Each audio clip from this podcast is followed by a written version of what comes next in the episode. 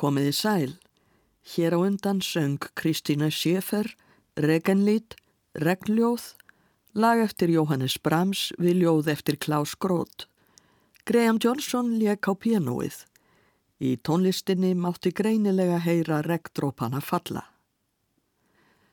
Í þessum þætti má segja að við stöndum út í rigningu með tónskáldinu Brahms og sjáum og finnum regnið streyma niður.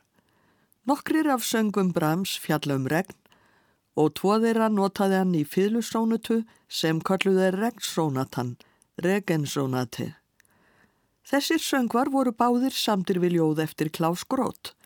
Annarlægið var samið við ljóðið sem sungið var hér á undan en það var ekki samanlægið. Brahms samti tvö lög við þetta ljóð. Skáldið Klaus Groth var vinur hans og á sörblaði ljóðabókar Gróts, Hundert Bletter, sem var í eigu Brahms, má sjá ljóðið handskrifað af skáldinu og dagsett 1856. Talið er að Brahms hafi fljótlega eftir það samið lægið sem flutt var hér áðan, en hann virðist ekki hafa verið ánæður með það því það var ekki gefið út fyrir en eftir andlát hans. Í ljóðinu segir Regndrópar falla af trjágreinunum niður í græna grasið. Tár af döprum augum mínum væta vanga mína. Þegar sólinn skín á ný er grasið enn græna. Heit tárin brenna vanga mína enn meir. Það var árið 1872 sem Brahms samti setna lægið við ljóðið og það hefur annan titil en hittlægið, ekki regenlít heldur nakklang endurómur. Kristíne Sjefer og Graham Johnson flytja nú þetta lag.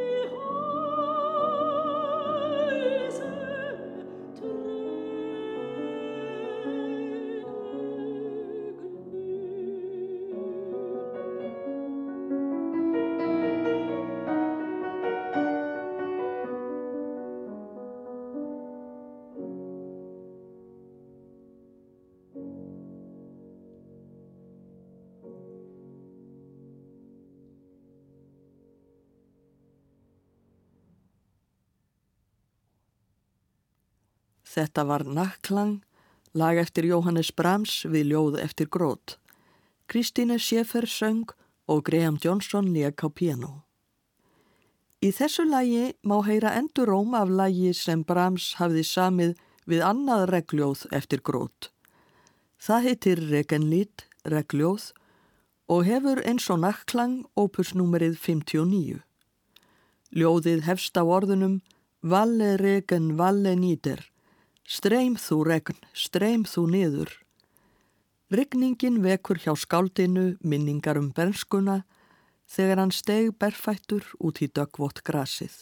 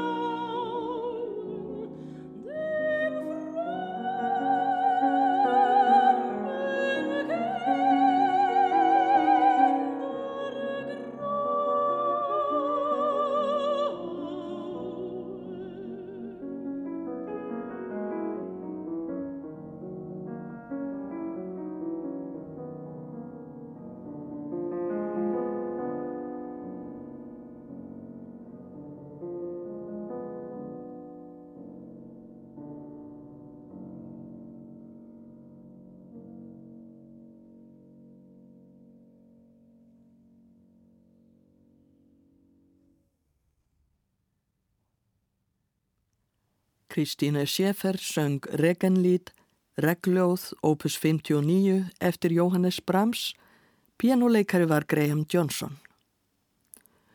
Og þá er komið að fiðlusónutunni sem byggðir á sönglögunum tveimur, Regenlít og Nakklang og kölluð Regnsónatan. Brahms samti sónutuna sumrin 1878 og 79 þegar hann dvaldist í bænum Porschach við Vörtersi í Östuríki. Þættir sónutunnar eru þrýr og brot úr lögunum tveimur má heyra í þeim öllum en engum þó í þriðja þætti. Fyrsti þáttur hefur yfirskriftina Vivace ma non troppo, fjörlega en ekki um of. Annan kabla á að leika hægt en þó aðeins hraðar um miðbyggið. Þriðja kabla á að leika nokkuð hratt í fyrstu en síðan nálægt meðalhraða Allegro molto moderato, più moderato. Krisja Ósostovits leikur á fiðlu og Susan Toms á piano, sónutu nr. 1 í getur, opus 78, regnsónutuna eftir Jóhannes Brahms.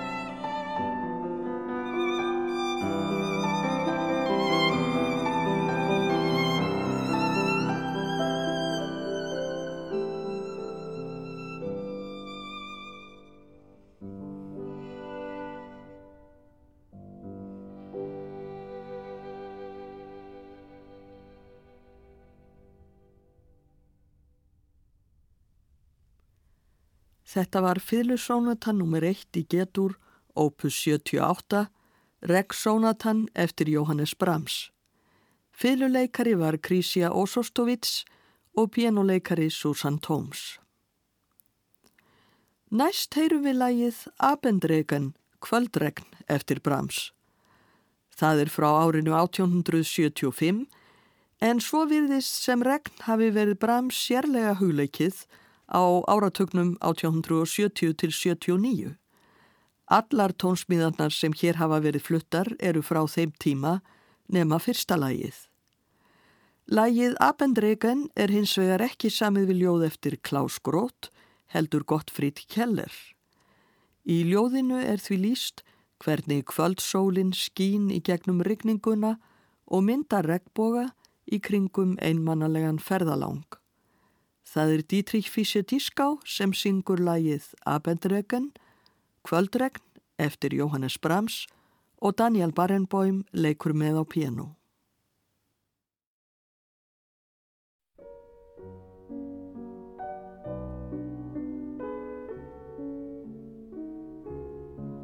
Langsam und schien und fiel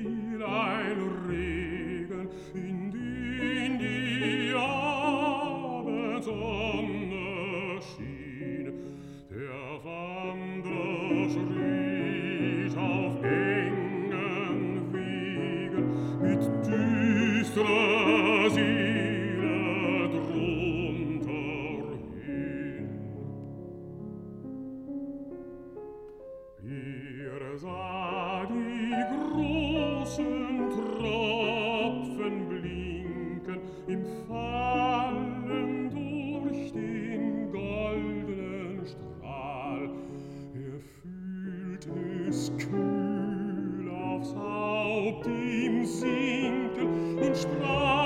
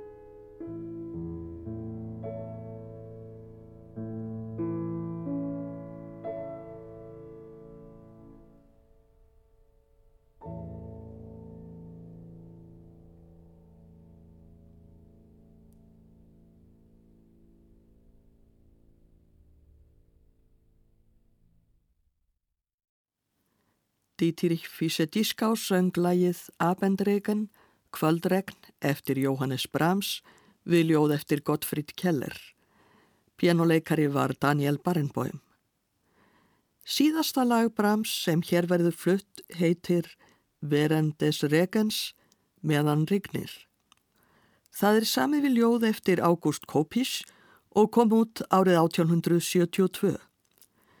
Í ljóðinu byður skaldið regnið að streyma sem mest, því meira sem það streymir, því fleiri kossa fær hann hjá elskunni sinni. Þegar stittur upp verður hann að fara. Aftur er það Dietrich Fischer-Dieskau sem syngur og Daniel Barenboim sem leikur á piano. Þeir flytja lagið Verendes Regens meðan Rignir eftir Jóhannes Brahms. Ég þakka hlustendum samfélgina, verði sæl.